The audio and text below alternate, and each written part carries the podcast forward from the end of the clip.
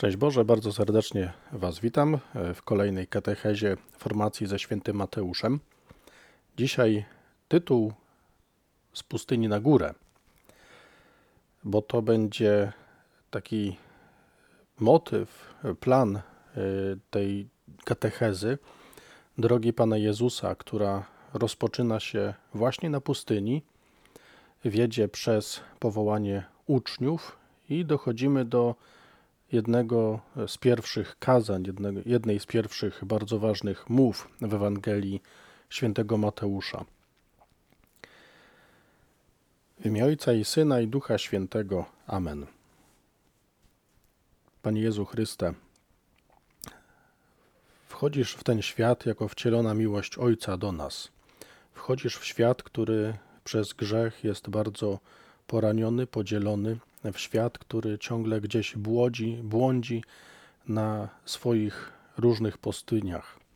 Wchodzisz, Panie, w doświadczenie tej pustyni, po to, żeby swoją obecnością ją przemienić i wyprowadzasz nas na górę, by ogłosić to, co jest najcenniejszego w naszym życiu, by ogłosić to, że Ty jesteś wszędzie tam, gdzie nam się wydaje, że sytuacja jest beznadziejna. Wchodzisz, Panie, we wszystkie te miejsca, w wszystkie te sfery, przestrzenie naszego życia, gdzie nam się wydaje, że sami absolutnie nie damy sobie rady. Proszę Cię, Panie, byś posyłał swojego świętego ducha, by on rozświetlał każdą naszą pustynię, ale też by on pozwolił nam przyjąć to, co Ty chcesz nam powiedzieć, co chcesz nam oznajmić na swojej górze. Z Ewangelii według świętego Mateusza. Wtedy duch wyprowadził Jezusa na pustynię, aby był kuszony przez diabła.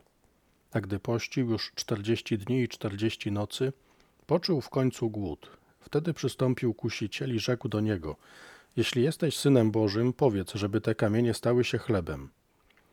Lecz on mu odparł: Napisane jest: Nie samym chlebem żyje człowiek, lecz każdym słowem, które pochodzi z ust Bożych. Wtedy wziął go diabeł do miasta świętego, postawił na szczycie narożnika świątyni i rzekł mu: Jeśli jesteś synem Bożym, rzuć się w dół. Napisane jest bowiem: Aniołom swoim da rozkaz co do ciebie, a na rękach nosić cię będą, byś przypadkiem nie uraził swej nogi o kamień. Odrzekł mu Jezus: Ale napisane jest tak, że nie będziesz wystawiał na próbę Pana Boga swego. Jeszcze raz wziął go diabeł na bardzo wysoką górę Pokazał mu wszystkie królestwa świata oraz ich przepych i rzekł do niego: Dam ci to wszystko, jeśli upadniesz i oddasz mi pokłon. Na to odrzekł mu Jezus: Idź precz, szatanie. Jest bowiem napisane: Panu Bogu swemu będziesz oddawał pokłon i jemu samemu służyć będziesz. Wtedy opuścił go diabeł, a oto przystąpili aniołowie i usługiwali mu.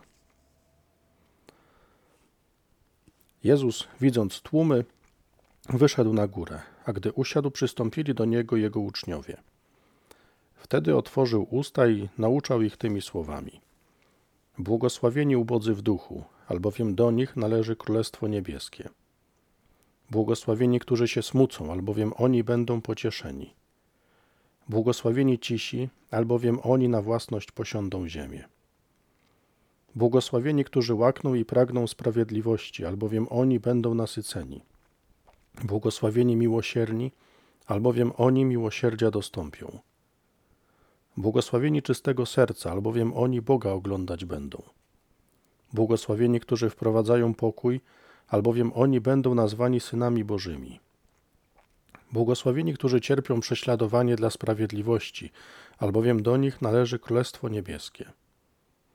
Błogosławieni jesteście, gdy wam urągają i prześladują was i gdy z mego powodu mówią kłamliwie wszystko złe o was, cieszcie się i radujcie, albowiem wielka jest wasza nagroda w niebie. Tak bowiem prześladowali proroków, którzy byli przed wami. Początek e, działalności Pana Jezusa mm, to jest właśnie to wyjście na pustynię. Pan Jezus e, z wód Jordanu, z nad wód Jordanu, zostaje przeprowadzony na pustynię. Prawdopodobnie jest to pustynia e, w okolicach na zachód od Morza Martwego. E, jest to pustynia dość górzysta, e, takie górzyste judzkie pustkowie. I tam Pan Jezus idzie na wyczerpujący, trwający 40 dni, 40 nocy post. I doświadcza tutaj nie tylko ciężkich warunków, całkowitej samotności, dręczących trudów głodu, ale znosi tutaj ataki swojego największego wroga, szatana. I Mateusz tutaj w tej próbie pokazuje trzy etapy, trzy bardzo ważne etapy, którymi szatan próbuje podejść Pana Jezusa. Trzy kuszenia, bardzo ważne trzy kuszenia. Pierwsze, jeśli jesteś synem Bożym, powiedz, żeby te kamienie stały się chlebem. Bardzo subtelne kuszenie. Drugie, trochę mocniejsze, nie samym, e, kiedy, przepraszam, e, kiedy prowadzi Pana Jezusa mm, do miasta świętego, do Jerozolimy, i tam e, szatan stawia Pana Jezusa na szczycie narożnika świątyni i mówi: Jeśli jesteś synem Bożym, rzuć się w dół. To kuszenie już jest mocniejsze, natomiast najbardziej zuchwałe jest trzecie, kiedy pan Je e, szatan zabiera Pana Jezusa mm, na górę wysoką, pokazuje wszystko mm, i mówi: Dam ci to wszystko, jeśli upadniesz i oddasz mi pokłon. Trzy bardzo ważne kuszenia. Teraz e, na chwilę się nad nimi trzema e, tak zastanówmy. Pierwsze kuszenie. Jeśli jesteś synem Bożym, powiedz, żeby te kamienie stały się chlebem. Diabeł porusza tutaj bardzo ciekawej kwestii, akurat w tym momencie niezwykle aktualnej, bo Pan Jezus jest na pustyni, e, jest wyczerpany, jest głodny i diabeł, zobaczcie, podsuwa coś, żeby sobie ulżył. Coś, co ma ulżyć właśnie jego trudowi. Tutaj niektórzy mówią, że Pan Jezus jest kuszony do obżarstwa, do opychania się ponad granicę umiarkowania. Ale tutaj jest coś dużo bardziej e, subtelnego, bo e, w centrum tego kuszenia jest tożsamość i moc Jezusa. Ważny jest ten początek, jeśli jesteś synem Bożym. Zobaczcie, że tutaj szatan, to też pokazuje pewną strategię szatana. Jeśli jesteś synem Bożym, powiedz, żeby te kamienie stały się chlebem. Tutaj tak naprawdę chodzi o tożsamość. Jeśli jesteś synem Bożym, szatan dotyka bardzo trudnego momentu w życiu Jezusa, bo Jezus właśnie jest głodny, jest wyczerpany i tu będzie bardzo podatny na kuszenie, ale zobaczcie, że uderzenie tak naprawdę jest w jego tożsamość, jeśli jesteś synem Bożym. A to, co jest tożsamością Jezusa, to, co jest jego mocą główną, zostało objawione w rozdziale wcześniejszym. Ten jest mój syn umiłowany. Tutaj jest ogłoszona tożsamość Pana Jezusa. I teraz, kiedy Pan Jezus jest na osobności, to to zostaje właśnie poddane próbie przez jego największego wroga. Diabeł po prostu wzywa Jezusa do tego, żeby wykorzystał swoją boską moc dla swojego osobistego e, celu, osobistego zysku. I odwołanie e, tutaj do chleba jest po prostu pewną przynętą. Nie? Tu jest wykorzystanie tego słabego punktu w tym momencie w zmaganiach Jezusa po to, żeby uderzyć w coś najistotniejszego. I w tej pokusie tak naprawdę wcale nie chodzi o pożywienie. Tutaj chodzi o to, żeby Jezus zawrócił ze swojej drogi, żeby poddał wątpliwość to, e, że jest synem Bożym i żeby poddał wątpliwość też swoją całą misję. A misja Jezusa nie polega na służeniu sobie samemu e, przez wykorzystywanie swoich boskich uprawnień e, do tego, żeby zaspokajać swoje potrzeby, ale właśnie te boskie moce Jezusa, boska moc Jezusa jako Syna Bożego jest tak naprawdę po to, żeby służył innym. I ostatecznie Jezus to wypełni przez właśnie heroiczną ofiarę z siebie, co zresztą powie, że to jest jego decyzja, jego wybór. Ale ta pokusa na samym początku ma za zadanie, czy celem tej pokusy jest zawrócenie Jezusa z tej drogi. Jezus odpowiada tekstem z Księgi Powtórzonego Prawa. Mówi, nie samym chlebem żyje człowiek, ale każdym słowem, które pochodzi z ust Bożych. To jest bardzo krótkie zdanie, ale oddające e, sedno. Nie? Jezus bierze tą przynętę Od tego się odbija, ale uderza właśnie w istotę. Nie samym chlebem żyje człowiek. I mówi każdym słowem, które pochodzi z ust Bożych. Mówi o Ojcu. I mówi o tym, że to jest jego pokarmem. Życie wolą Ojca. E, Jezus bardzo tutaj mocno pokazuje, e, jakie są priorytety. Jego priorytety, ale też tutaj mówi o naszych priorytetach. Nie, nie tylko nasze potrzeby fizyczne, biologiczne są najważniejsze. Nie, nie o to tu chodzi. Słowo Pana, słowo Jego Ojca jest dużo bardziej podstawowym pokarmem niż chleb. Jezus pokazuje, że jest wierny, że jest posłuszny właśnie słowu swojego Ojca. Druga pokusa, kiedy diabeł zabiera Pana Jezusa na narożnik świątyni, jeśli jesteś synem Bożym, rzuć się w dół. I znowu w tej próbie chodzi o poddanie wątpliwości Boże synostwo Jezusa.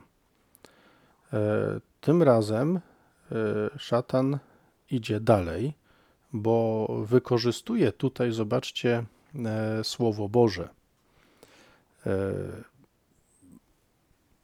Mówi o tym, że rzuć się w dół, napisane jest bowiem aniołom swoim da rozkaz co do ciebie, a na rękach nosić cię będą, byś przypadkiem nie uraził swej nogi o kamień.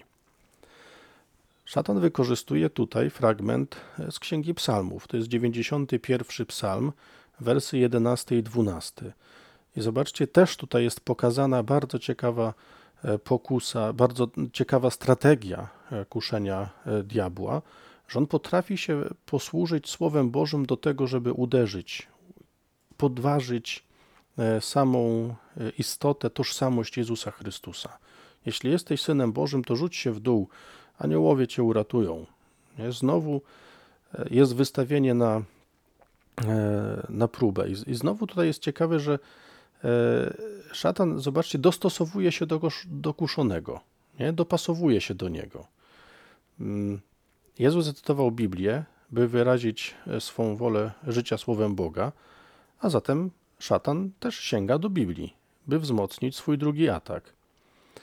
I nie bez znaczenia też jest miejsce, e, w którym to kuszenie się dokonuje, bo w całej Palestynie można było znaleźć bardzo dużo różnych E, wzniesień, stromych urwisk e, i wszędzie tam Jezus mógłby oddać skok e, zagrażający życiu. A jednak diabeł wybiera świątynię, bo to właśnie miejsce wybrał Bóg Izraela, żeby być obecnym wśród swego ludu. I jeżeli gdzieś, jeżeli jest jakiekolwiek miejsce, w Jerozolimie, czy w ogóle w Izraelu, gdzie człowiek mógłby się zupełnie nie spodziewać kuszenia, no to właśnie świątynia. A się okazuje, że diabeł potrafi wykorzystać nawet to miejsce nie? i posłużyć się słowem Boga. Bardzo perfidna pokusa, bardzo inteligentna i dotykająca znowu mm, tożsamości Jezusa.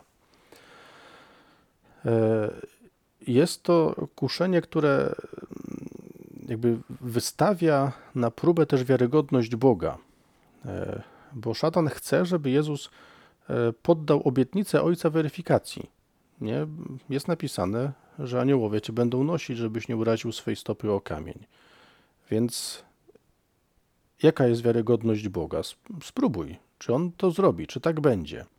To jest próba manipulowania Bogiem, by skłonić go do działania. To jest zuchwalstwo. Ojca się nie da zmusić, by na rozkaz potwierdzał swoją wiarygodność. Jezus znowu kontratakuje słowami z Księgi Powtórzonego Prawa: Nie będziesz wystawiał na próbę Pana Boga swego. W pierwszym kontekście e, ten fragment oczywiście odnosi, się do buntu Izraelitów, którzy wychodzą e, do ziemi obiecanej. Mm, natomiast e, oni byli tak zmęczeni, rozdrażnieni, e, że właśnie niektórzy chcieli, żądali od Pana Boga dowodu, że On jest obecny pośród swojego ludu. I to jest w Księdze Wyjścia w 17 rozdziale, wersety od pierwszego do siódmego, warto to przeczytać. E, Księga Wyjścia, 17 rozdział 1-7. E, I kiedy brakowało im już zaufania do Pana Boga, kiedy zaczynali wątpić w to, że e, On jest razem z nimi, no to właśnie poddają Boga próbie, wymuszają, próbują wymusić na nim udowodnienie, że On jest. No i Jezus tego nie robi. Nie, nie chce poddawać próbie swojego Ojca. Ma totalne zaufanie do swojego Ojca. I trzecie kuszenie, najbardziej zuchwałe, najbardziej perfidne, tutaj szatan zaprowadza Pana Jezusa na bardzo wysoką górę, jak tu jest napisane, i pokazuje Jezusowi wszystkie królestwa świata, cały przepych, i mówi: Dam ci to wszystko, jeśli upadniesz i oddasz mi pokłon. Dam ci to wszystko. Zostaje Jezusowi złożona propozycja, żeby na skróty osiągnął swoje mesjańskie cele.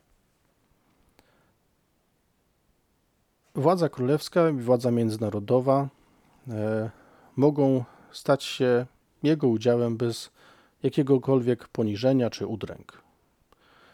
Szatan chce, żeby Jezus tak naprawdę dokonał apostazji.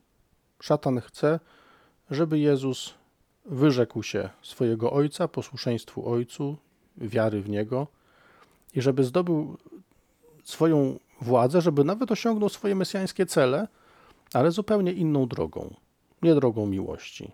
Dam Ci te wszystkie królestwa, dam Ci cały ten przepych. Jezus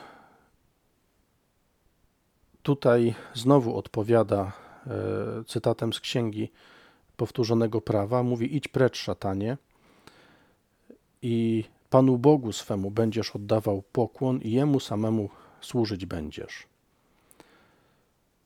Bardzo ważne jest to, e, znowu z jakiego fragmentu e, jest ten fragment, bo to jest fragment mówiący o oddawaniu czci cudzym Bogom. Księga Powtórzonego Prawa, e, rozdział 6.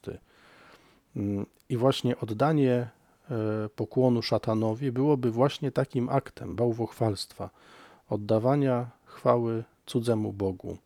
A Jezus nie chce absolutnie mieć z tym nic wspólnego.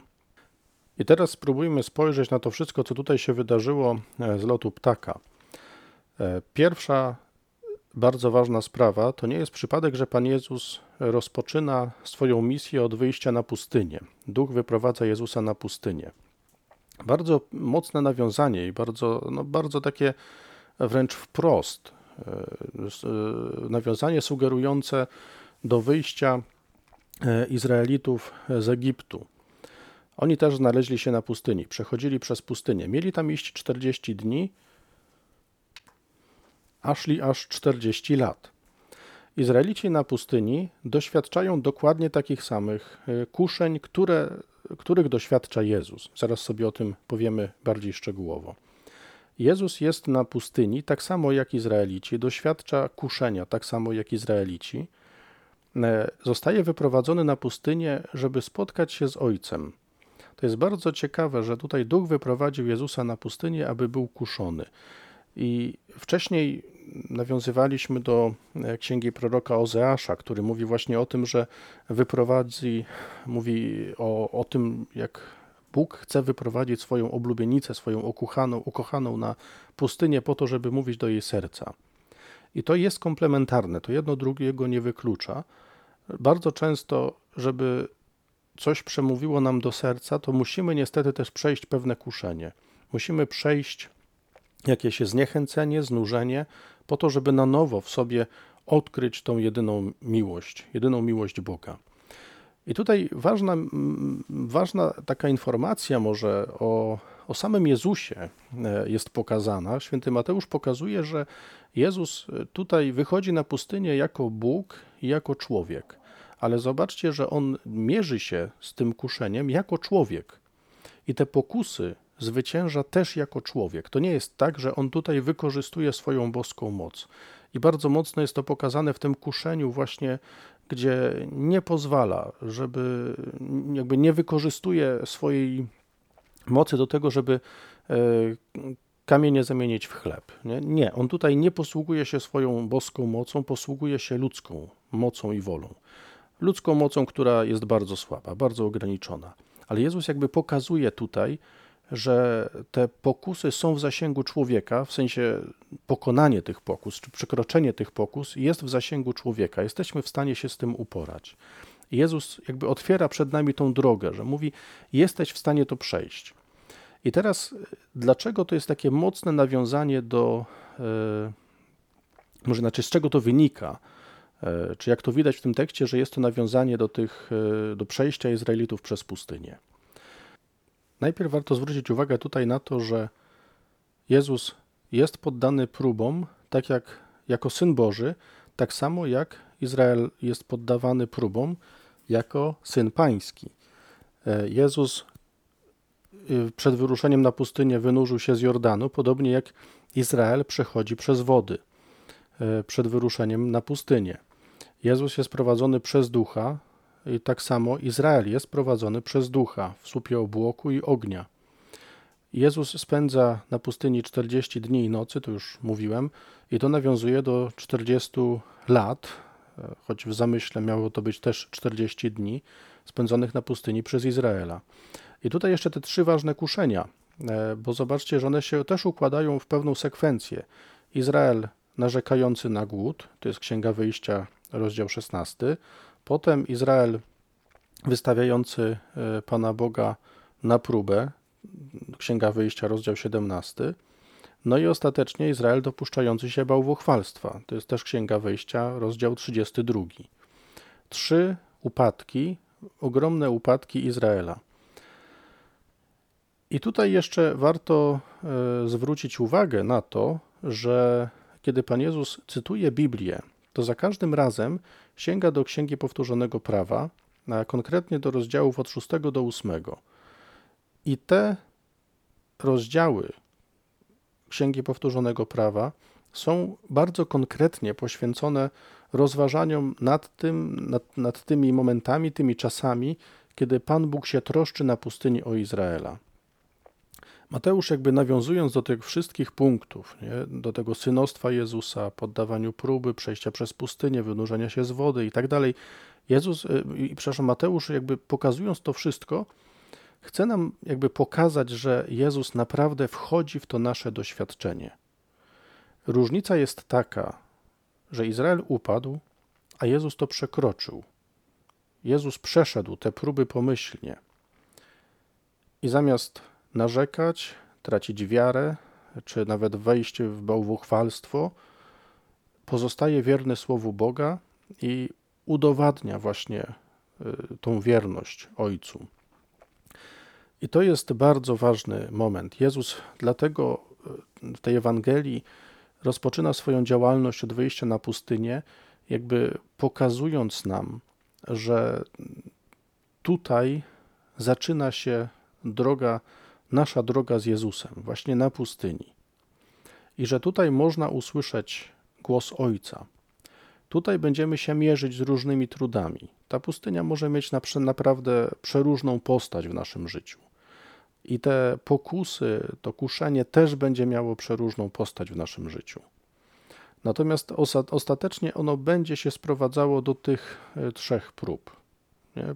głód, narzekanie na głód, e, wystawianie Pana Boga na próbę i bałwochwalstwo. Ostatecznie to wszystko się sprowadzi do bałwochwalstwa. Nie będziemy doświadczać braku i narzekać na ten brak.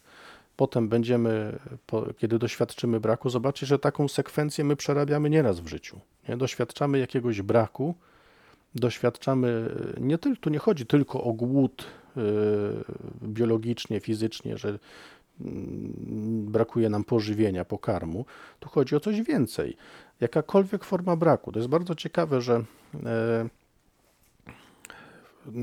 te ojcowie Kościoła, kiedy mówią o tym, e, o tej pokusie, e, kiedy nawiązują właśnie do obżarstwa, to nie mają na myśli tylko jedzenia, ale chodzi właśnie o konsumpcjonizm. To jest bardzo ciekawe. My dzisiaj bardziej tego słowa byśmy używali, nie? że chodzi o konsumpcję. I nie mówimy tutaj, kiedy mówimy o konsumpcjonizmie, to nie mówimy tylko o jedzeniu. Właściwie mało kiedy mamy tutaj na myśli jedzenie, ale mówimy tutaj o takim e, no, wciąganiu się w wir tego świata i w dobra tego świata, nie? korzystaniu z tego wszystkiego, co daje nam świat. I zobaczcie, że od tego się zaczyna jest moment właśnie jakiegoś takiego wejścia w, w ten wir świata, e, w całym jego przepychu i doświadczamy braku, czegoś nam brakuje i sobie z tym nie radzimy. Więc zaczynamy tutaj szemrać, zaczynamy narzekać i w pewnym momencie, kiedy dochodzimy do jakiejś granicy, no to wystawiamy Pana Boga na próbę. Zaczynamy z nim się targować, obrażamy się na niego. To jest ta druga pokusa. I ostatecznie, kiedy nam Pan Bóg na to nie odpowiada, a Bóg na to nie odpowie, no to w ogóle od Niego odchodzimy i zaczynamy próbować nawiązywać kontakt z innymi bożkami? Z, z bożkami, którymi, których możemy tutaj w świecie znaleźć. To jest nasza droga, ta sekwencja nie jest przypadkowa. Tak to się dzieje w naszym życiu. Jezus wychodzi na tą pustynię. Bardzo pięknie Mateusz chce pokazać, że wychodzi tam, bo chce nam, nas tam spotkać. To jest jakby realizacja, wypełnienie tego proroctwa Ozeasza, czy tej obietnicy pięknej Ozeasza, że wyprowadzę na pustynię, żeby mówić do jej serca. Na pustyni będziesz doświadczał pokus. Na pustyni będziesz doświadczał braku, będziesz chciał narzekać, będziesz wystawiał Pana Boga na próbę, będziesz próbował robić deal z innymi bogami, ale na tej pustyni też jest Mesjasz, który ma moc przyprowadzić Ciebie z powrotem do Ojca. Na tej pustyni na Ciebie naprawdę czeka też Mesjasz i On chce, żebyś usłyszał ponownie głos Jego kochającego Ojca. Więc to jest punkt wyjścia. I teraz pójdziemy sobie dalej do drugiego wątku, a mianowicie do błogosławieństw, do kazania na górze Pana Jezusa. I teraz przyjrzyjmy się pokrótce temu tłu historycznemu. Warto sobie przypomnieć, e, do kogo Mateusz pisze. Mateusz pisze do wspólnoty Kościoła, która jest w kryzysie. Ten kryzys jest bardzo duży, tak jak e, wcześniej mówiliśmy sobie o tym, kryzys, który jest wewnątrz, ale jest wzmacniany przez różne e, rzeczy zewnętrzne, różne sytuacje, okoliczności zewnętrzne. E, I teraz Mateusz, który jest pasterzem tej wspólnoty, właśnie pisze im tą Ewangelię, do wspólnoty, która jest w kryzysie. To jest bardzo ważne, żeby to sobie jakby przypomnieć i, i próbować siebie też w tym odnaleźć. Czytamy też w konkretnej sytuacji, my, dzisiaj żyjący na tym świecie, biorący udział w tej formacji, E, żyjący w konkretnych e, okolicznościach e, świata historycznych, teraz tutaj żyjemy też w konkretnym momencie historii Kościoła. To wszystko nie jest też, myślę, ani przypadkowe, nie jest też obojętne. I teraz, co sprawia, że ta wiara wspólnoty Mateusza potrzebuje oczyszczenia i umocnienia? Mm, I można tutaj właśnie mówić o tych dwóch przyczynach, e, że jest to grzech, który się wkrada od wewnątrz, jest to ten grzech, który e, przychodzi z zewnątrz. No i to, co też mówiliśmy ostatnio, no ten grzech, który jest od wewnątrz, to są te podziały, konflikty, zgorszenia, zwątpienia. Nie jest to dla nas obce. No ale też e, ciągłe wracanie do jakiegoś rytualizmu, jakiejś e, religijności sformalizowanej. E, no i teraz e, jest też ten moment zewnętrzny, te okoliczności zewnętrzne, czyli niezrozumienie ze strony byłych współwyznawców synagogi, też współwyznawców różnych bogów pogańskich. I tutaj też zobaczcie, tak mamy, nie? że możemy być niezrozumiani, my dzisiaj, nie? w naszej wierze, przez innych ludzi nie, świat nie rozumie dlaczego. Jeżeli jestem wierzący, to dlaczego? Naprawdę można dzisiaj za to oberwać. I teraz w tym kontekście, jakby wracam do tego, bo to jest ważne, żeby w tym kontekście też czytać e, to, co się e, dzieje dalej. Mateusz jest bardzo dobrym pedagogiem. I on pisze tą Ewangelię jako pedagog. Co on chce zrobić? Przede wszystkim. Przede wszystkim, patrząc na całą sytuację wspólnoty, na wszystkie jej podziały, chce skierować wzrok tej wspólnoty na Jezusa. Chce ich skoncentrować na Jezusie. Bo Mateusz jest już na tyle mądry, na tyle już e, sam też doświadczył tego, to, to później też wybrzmi troszeczkę, ale Mateusz sam już doświadczył tego, że kiedy wspólnota próbuje rozwiązać swoje problemy po ludzku, debatując e, ciągle, prowadząc jakieś debaty po ludzku, to może się w tym tak zakręcić, że te podziały będą jeszcze bardziej się wzmagały. To niczego nie rozwiąże. Mateusz chce pokazać, rozwiążesz problemy, kiedy się zwrócisz do Jezusa. I cała wspólnota musi wracać na nowo do Jezusa, koncentrować się na Jezusie. Jeżeli będziemy chcieli zbyt po ludzku, to się jeszcze bardziej okopiemy w naszych różnych obozach, jeszcze bardziej e, wzmocnimy wszelkie nasze e, mury obronne, jeszcze z większą siłą, z większym impetem będziemy siebie nawzajem ostrzeliwać. To, niczego, to do niczego nie prowadzi. Mateusz wie już, co jest rozwiązaniem. Rozwiązaniem jest Jezus, postawienie Jezusa w centrum. To On jest początkiem, to On jest fundamentem życia, to On jest fundamentem też porządku, jak pisze święty Marek. I Mateusz nas zachęca do tego, żeby wrócić tutaj właśnie do, do Jezusa. E, I co jest taką drogą, co jest takim sposobem do powrotu do Jezusa? No właśnie przypomnienie sobie tych pierwszych spotkań z Jezusem.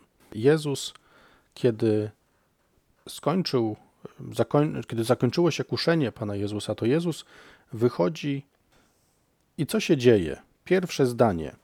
Gdy Jezus posłyszał, że Jan został uwięziony, usunął się do Galilei. Opuścił jednak Nazaret, przyszedł i usiadł, osiadł w Kafarnaum nad jeziorem, na pograniczu ziem Zabulona i Neftalego tak miało się spełnić słowo proroka Izajasza. No i dalej właśnie jest o tych ziemiach. To jest opis początku działalności Jezusa. Bardzo ciekawe y, jest y, to, że zobaczcie, tu Jezus wychodzi z inicjatywą. I Mateusz chce to pokazać. Koncentrując na Jezusie, chce pokazać, że to Jezus wychodzi z inicjatywą. Jezus usunął się do Galilei, opuścił Nazaret, przyszedł i osiadł w Kafarnaum i zaczął nauczać. I co nam chce przez to powiedzieć e, święty Mateusz? Mateusz jakby sugeruje, zobacz, jak bardzo Jezus szuka spotkania z człowiekiem. Nie, jest na tej pustyni i szuka spotkania z człowiekiem, który też jest na pustyni. A dlaczego jest człowiek na pustyni? Bo ten człowiek na pustyni zostaje bez pasterza. Jan został uwięziony. Kontekst jest taki. Ktoś, kto był dla mieszkańców Galilei chyba największym autorytetem. Był człowiekiem bardzo godnym zaufania, był człowiekiem, którego wszyscy naprawdę bardzo kochali, szanowali. Ten człowiek, który był dla nich też takim oparciem duchowym, który miał w sobie ogromną mądrość i zapewniał, że przez niego będzie można doświadczyć spotkania z Bogiem, ten ktoś zostaje uwięziony. I zobaczcie, znowu możemy na to spojrzeć z naszej perspektywy. Nasz ludzki pasterz zostaje uwięziony. Uwięziony przez zło, przez grzech. Nie chodzi tutaj tylko o to, że ten ktoś został wtrącony do więzienia. Warto zobaczyć tutaj też o to, że ten ktoś może zostać uwięziony przez własny grzech. Może zostać w jakiś sposób, czy lud może zostać bez pasterza, bo ten pasterz nawalił. Pojawia się tam zło. I ten lud jest naprawdę na pustyni. Jezus wychodzi właśnie na tą pustynię. Jezus tam wchodzi dlatego, że Jan został uwięziony. I tutaj Jezus rozpoczyna swoją działalność. Tam zaczyna nauczać. Jezus, e, zobaczcie, opuszcza Nazaret, gdzie się wychował, bo tam nie został przez swoich przyjęty. Mm, to Łukasz bardzo e, dramatycznie opisuje tą, tą sytuację. Natomiast warto na to wszystko tak popatrzeć, y, to chyba ksiądz Krzysztof Wąs tak fajnie nazywa, że to jest taka duchowa geografia, właśnie miejsca, w którym Jezus e, poszukuje swoich uczniów. Że to jest zlepek różnych narodowości, kultur. E, mieszkają tam Egipcjanie, Arabowie, Fenicjanie, Grecy. Było to miejsce handlu, graniczyło z drogą morską, która łączyła Egipt z Mezopotamią. To są też pewne rzeczy, które mogą nam coś sugerować. Nie? Żyjemy w świecie, który jest właśnie ogarnięty przez takie rzeczy, ale w tym wszystkim i w świecie, który no, może czerpać, bo gdzieś, gdzie jest szlak handlowy, no, żyje się raczej dostatnio. Nie? No właśnie dzisiejsza, e, nawet dzisiejsza filozofia geopolityki mówi, że miejsce, miejsca, które się rozwijają e, gospodarczo, przemysłowo czy usługowo też, to są miejsca, w których są ważne centra komunikacyjne. Stąd był też w Polsce pomysł na centralny ten port komunikacyjny. I, i, I, to są miejsca, które też wtedy działały. Nie? Tam był ten szlak handlowy, to było miejsce komunikacyjne bardzo ważne. Żyło się całkiem nieźle, a jednak ludzie byli biedni. Nie chodzi nawet o biedę taką materialną, chodzi o biedę duchową. Byli naprawdę w tym wszystkim zagubieni. Jezus tam wychodzi, w tym zagubionym świecie, który mm, stracił swojego najważniejszego pasterza, chyba jedynego nawet, godnego zaufania, który znalazł się na pustyni, Jezus tam wychodzi i zaczyna tam nauczać. Zacząłem wcześniej mówić jeszcze o tych ziemiach Zabulona i Neftalego, dlaczego to jest takie ważne, dlaczego właśnie tutaj Izajasz jest cytowany przez Mateusza. Ano dlatego, że to jest też e, bardzo ważna rana, e, która jest e, żywa w słuchaczach czy, czy w członkach wspólnoty Kościoła świętego Mateusza, bo to właśnie ta, to się kojarzy z wygnaniem ludu, z rozproszeniem. To jest taka otwarta rana, która właśnie czeka na swojego Zbawiciela, czeka na kogoś, kto uzdrowi to wszystko. Tam jest ogromna biega, bieda. E, I tutaj ten cały opis tego wszystkiego, cały ten kontekst, e, dobrze jest tak sobie tak przemedytować. Nie? Jezus, y, dlaczego Mateusz to właśnie porusza? Bo Mateusz chce poruszyć, jaki jest początek. Jaki jest początek spotkania Jezusa z ludźmi. I tutaj znowu, i tutaj warto samemu też przemyśleć, jaki był mój początek. Jaka to była pustynia, co ja przerabiałem, e, gdzie mnie Jezus spotkał, co mi powiedział, w jaki sposób mnie poprowadził. Ważne jest to, żeby wrócić do tego początku, żeby E, mówić, żeby teraz sobie postawić Jezusa naprawdę w centrum, to warto wrócić do tego, jak ta droga z Jezusem się zaczęła. Co się stało, że był taki moment, że Jezus był w centrum. Przypomnieć sobie te piękne chwile. To jest trochę tak jak też w pięknych takich relacjach ludzkich, nie? że mm, kiedy zaczyna się jakoś tak robić szaro w tej relacji, wiele różnych obowiązków zaczyna dominować nasze życie, no to dobrze jest sobie wrócić do tej pierwotnej miłości, nie? Dobrze jest sobie odświeżyć, nie wiem, zdjęcia w albumie, czy listy stare, no, które pisaliśmy do siebie. Dobrze jest to wszystko jakoś tak sobie odświeżyć i, i wrócić do, takimi wspomnieniami do tych czasów, kiedy było naprawdę pięknie, nie? I nie po to, żeby wspominać mm, e, jakby oczekiwać tego, że, że teraz będzie tak samo, bo teraz będzie inaczej, ale po to, żeby coś, by postawić to w centrum, to wydarzenie, żeby coś ruszyło do przodu. I Mateusz do, dlatego do tego nawiązuje. Nie? Chce, żeby słuchacze zobaczyli początek swojej, żeby sami się też skupili na swoim początku. Potem jest e, powołanie właśnie pierwszych uczniów i takie zaproszenie właśnie nawracajcie się. Nie? Nawracajcie się, e, bo bliskie jest Królestwo Niebieskie. Nawracajcie się. E, mówi, to są pierwsze słowa, które właściwie Pan Jezus wypowiada. Nie? Zaczął nauczać i mówić: Nawracajcie się, albowiem bliskie jest Królestwo Niebieskie. Nie? Jakby wróćcie z tego wszystkiego, co was odwróciło ode mnie, co sprawiło, że gdzieś spojrzeliście zbyt mocno po ludzku, gdzie zaczęliście być może kalkulować za bardzo po ludzku, a gdzieś ja wypadłem z centrum waszej optyki. Nawróćcie się, Nawracajcie się, bo to królestwo jest. Chociaż wy jesteście na pustyni, to to królestwo naprawdę jest. I warto tutaj znowu, i przy, warto pójść tutaj za tym y, zaproszeniem Jezusa, przylgnąć do Niego, nie, z całą tą swoją biedą. Przyjdź do Jezusa z całą biedą, z tym wszystkim, co ciebie teraz e, jakoś gniecie, to wszystko, co ciebie e, smuci, to wszystko, co e, sprawia, że masz w sobie jakiś bunt, zgorzknienie. Przyjdź do Jezusa, nie? ale postaw, naprawdę postaw Jego w centrum. Nie pasterza, nie ludzi, ale Jego. Spróbuj odnowić tą relację z Nim. No i tutaj dochodzimy do błogosławieństw. Wcześniej Pan Jezus właśnie tą biedę całą bierze na siebie, e, uzdrawia, leczy wszelkie choroby, wszelkie słabości wśród ludu. To, to wszystko e, tutaj możemy przeczytać u Mateusza. I Jezus wychodzi, widząc tłumy, wyszedł na górę, a gdy usiadł, przystąpili do niego jego uczniowie. Wtedy otworzył usta i nauczał ich tymi słowami, i padają błogosławieństwa. O co chodzi w tych błogosławieństwach? Pierwsze słowo, błogosławieni, tu jest bardzo ważne, bo to słowo makarios greckie e, oznacza właśnie błogosławiony, szczęśliwy, mający szczęście. E, mi się bardzo podoba takie jedno e, określenie, które znalazłem w jednym z komentarzy, które mówi o tym, że błogosławieni to znaczy znajdujący się w szczęśliwym położeniu, pomyślnym położeniu.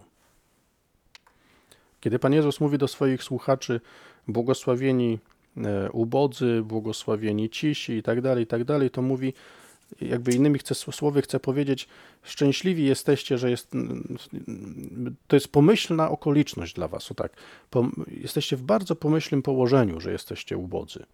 Jesteście w bardzo pomyślnym położeniu, że jesteście, że się smucicie. Mm, paradoks trochę, może trudny, ale Jezus próbuje pokazać sens duchowy tego wszystkiego, nie? I mówi, wracamy teraz do pustyni, nie? Może nam różnych rzeczy brakować. Błogosławieni ubodzy, albowiem do nich należy Królestwo Niebieskie. Jesteście w szczęśliwym położeniu.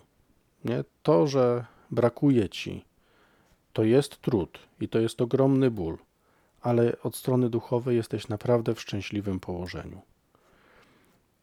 I te, to pierwsze błogosławieństwo, błogosławieni ubodzy, jest takim e, prologiem, można powiedzieć, tego wszystkiego, co dzieje się po, później, tych wszystkich błogosławieństw, bo ono jakby rzuca też pewne światło.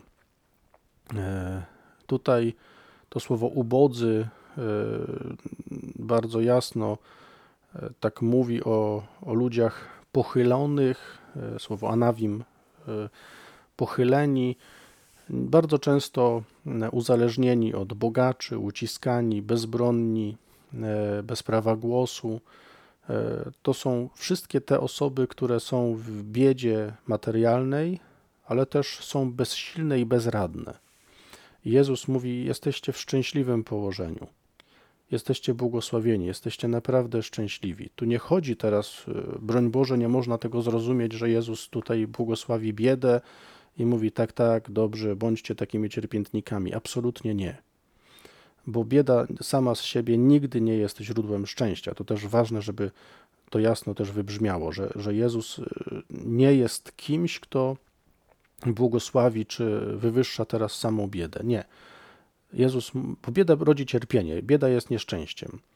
I tutaj w tym człowiek może do, iść jeszcze w jeszcze większy smutek, w jeszcze większą biedę duchową, nie? doświadczając biedy takiej materialnej, pewnej bezsilności, można zacząć e, naprawdę zamykać się w jakimś takim rozgoryczeniu, wręcz rozpaczy i, i to będzie jeszcze większa bieda.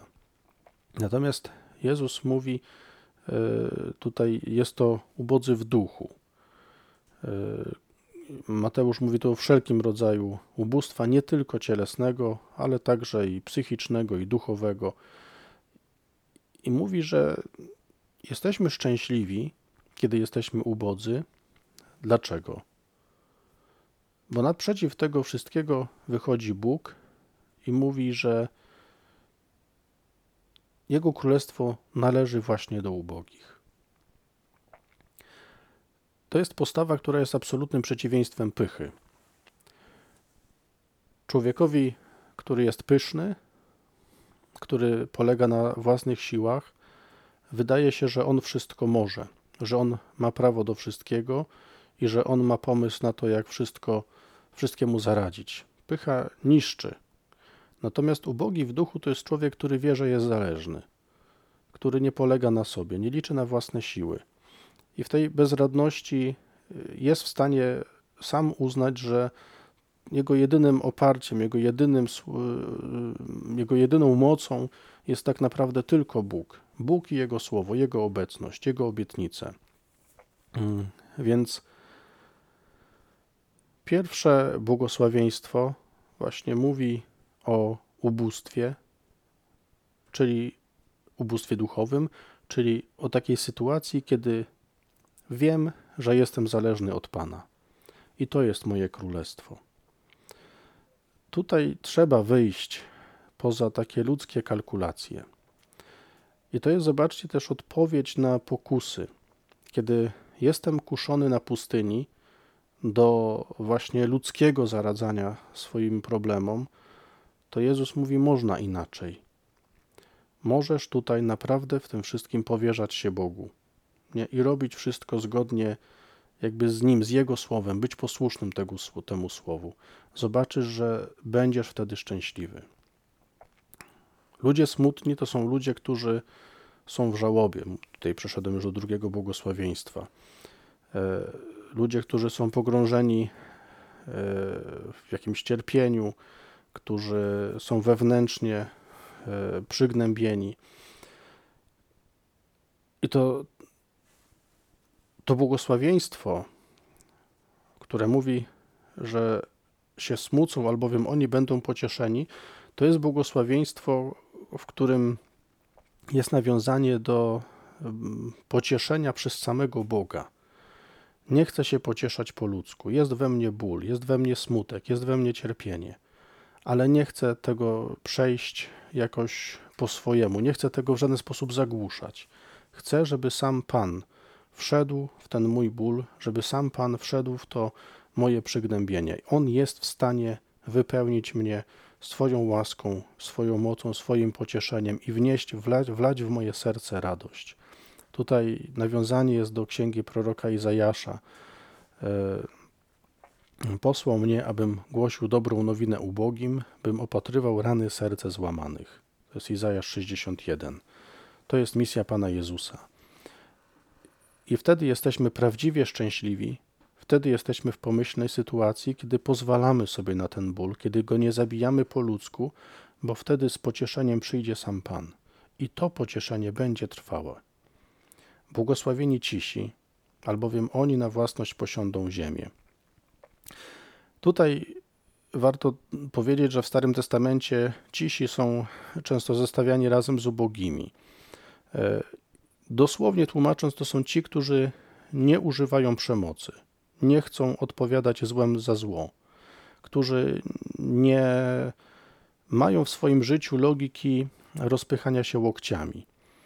E, są wolni właśnie od tego, żeby e, na siłę e, po trupach dążyć do swojego celu. Potrafią iść drogą Bożą, drogą pokoju. Mm. Jezus daje tutaj obietnicę, że ci ludzie na własność posiądą ziemię. Właśnie nie ci, którzy rozpychają się łokciami, chociaż logika ludzka nam tak mówi, że musisz się roz, rozpychać łokciami, żeby cokolwiek osiągnąć. A Jezus mówi: Nie, spróbuj być cichy. Ty na własność posiądziesz ziemię.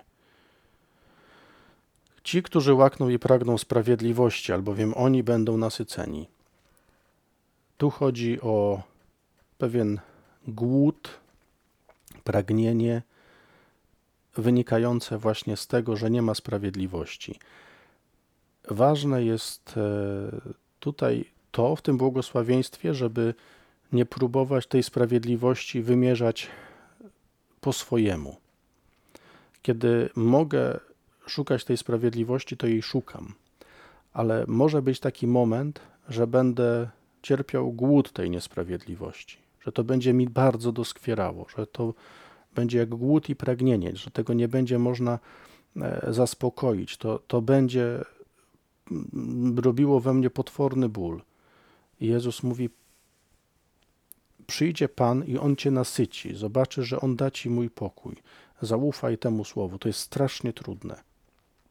Kiedy ja jestem, ja jestem człowiekiem, jestem takim gwałtownikiem, trochę jestem nerwusem i kiedy mnie pewne rzeczy irytują, to e, reaguję szybko, czasem zbyt szybko.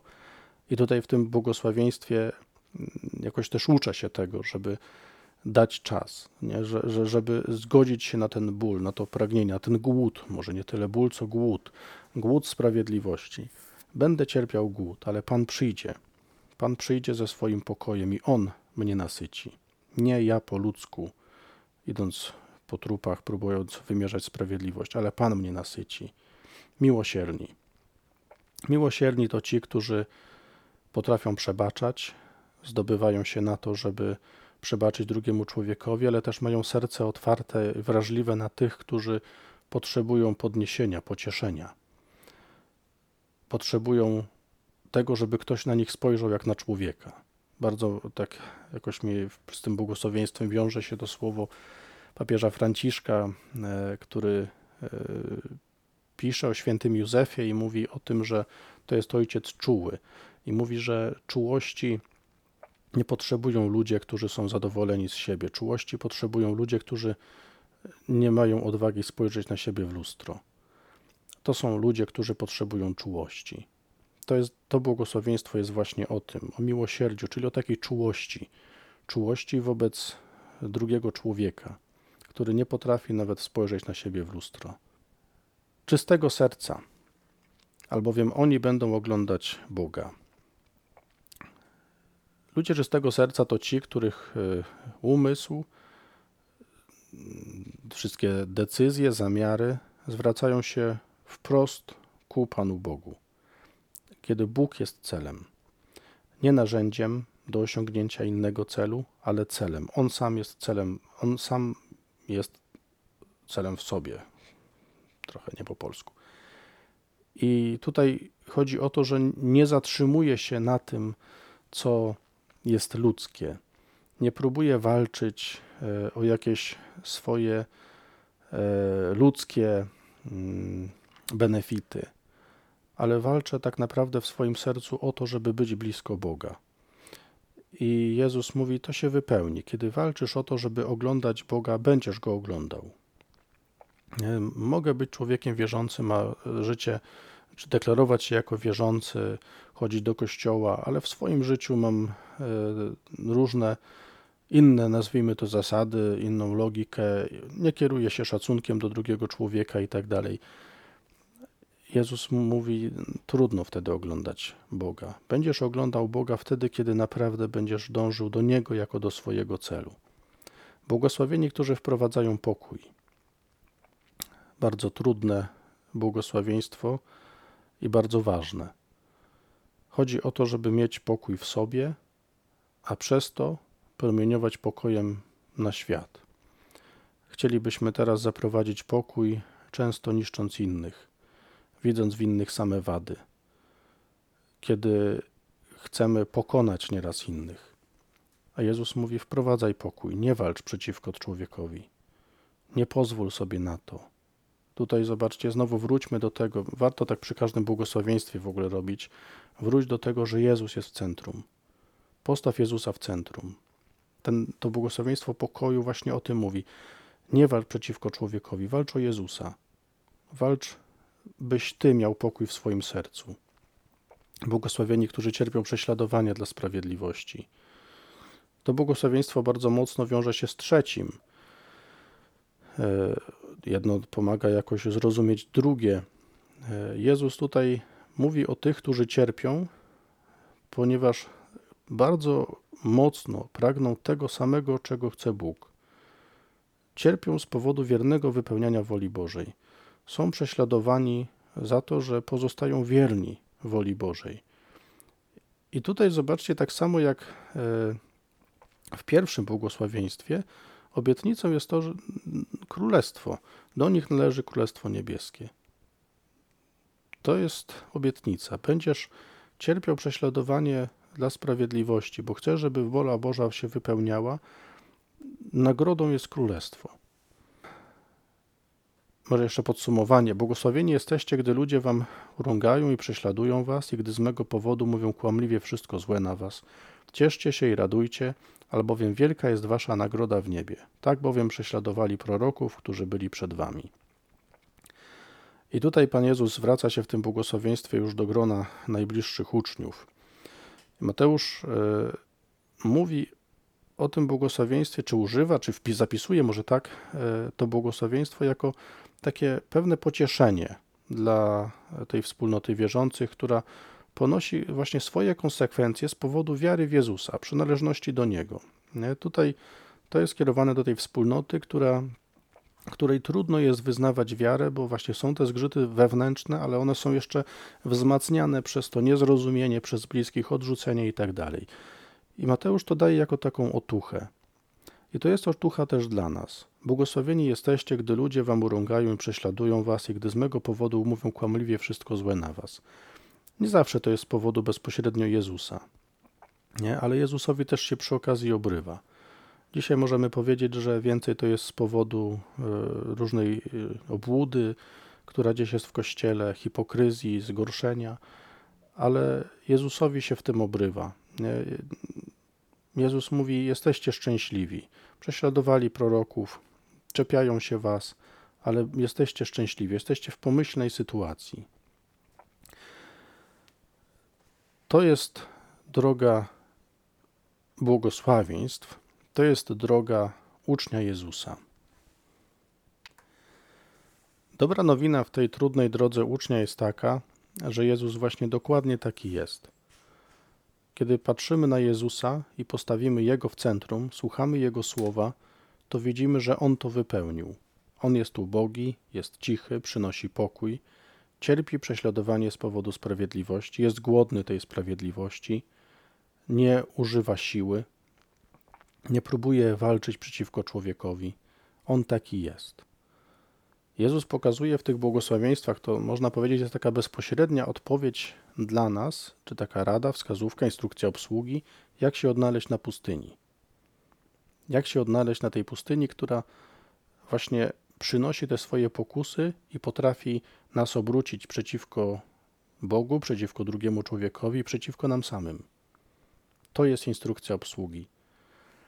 Jak przejść przez pustynię, która jest w naszym życiu.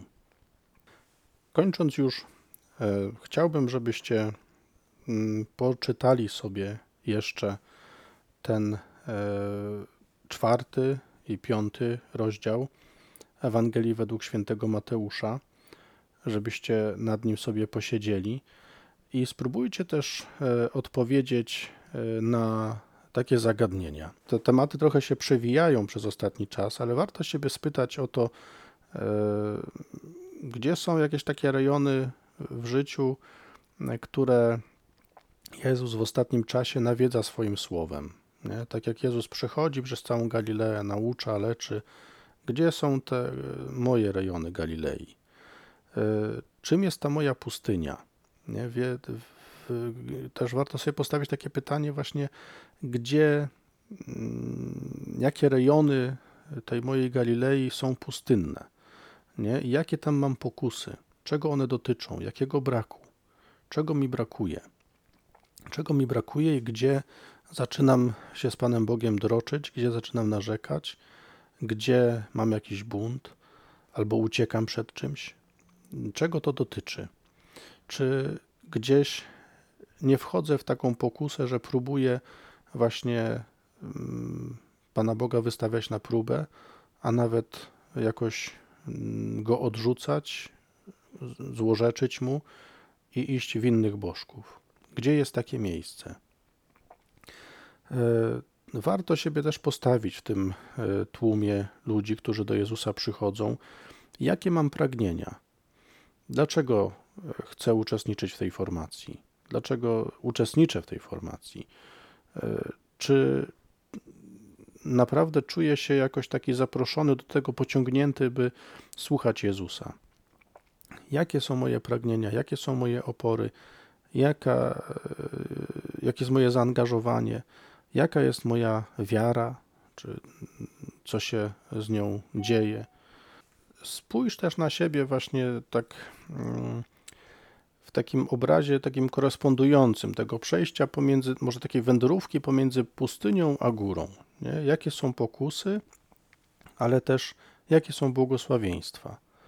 Nie? No spróbuj może się pomodlić tymi błogosławieństwami, jak one w tobie pracują, co żyje w tobie, gdzie te błogosławieństwa e, ciebie dotykają, jakiej przestrzeni twojego życia, mm, jak się tam odnajdujesz, czy faktycznie Jezus jest w centrum, w tym zaproszeniu do życia błogosławieństwami, gdzie się wdarło zbyt mocno ludzkie myślenie, co tam tak naprawdę w sercu gra. Błogosławieństwa są też mówieniem o kimś dobrze. Kiedy komuś błogosławię, to znaczy, że mówię o kimś dobrze. Samo słowo benedicere znaczy dobrze mówić. Chcę mówić o kimś dobrze. To jest też błogosławieństwo o mnie. Bóg mówi o mnie dobrze.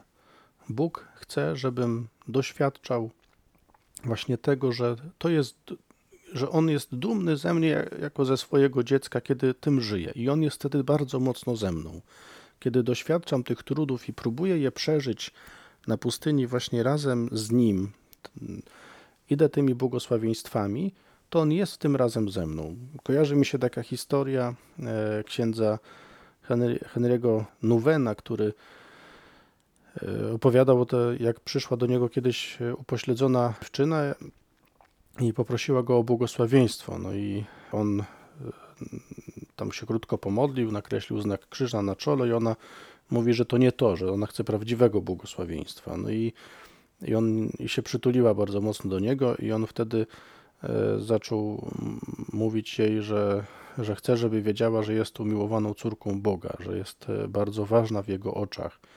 Mm, I tak mówił jej bardzo dobre rzeczy o tym, jak bardzo jest ważna we wspólnocie, e, że jest przygnębiona, że nosi w sercu smutek, ale jest osobą niezwykłą, jest kochana przez Pana Boga i wszyscy ludzi, wszystkich ludzi, którzy są w tej wspólnocie. No i, i ona była przeszczęśliwa, potem właśnie się tak spojrzała na księdza Nuwena i mówi, tak, to jest to błogosławieństwo, właśnie tego potrzebowała. Bóg mówi o nas dobrze. E, to jest błogosławieństwo. To nie jest tylko przepis na to, jak żyć, ale to jest też e, zdanie Boga o nas. Kiedy znajdujemy się w takiej sytuacji, i kiedy w takiej trudnej sytuacji jakiegoś ubóstwa, ucisku, prześladowania, niesprawiedliwości, to Bóg mówi o nas dobrze, kiedy chcemy razem z Nim to przeżyć. Bardzo Wam dziękuję. Do zobaczenia na żywo, znaczy nie na żywo, ale online. Wszystkiego dobrego z Panem Bogiem.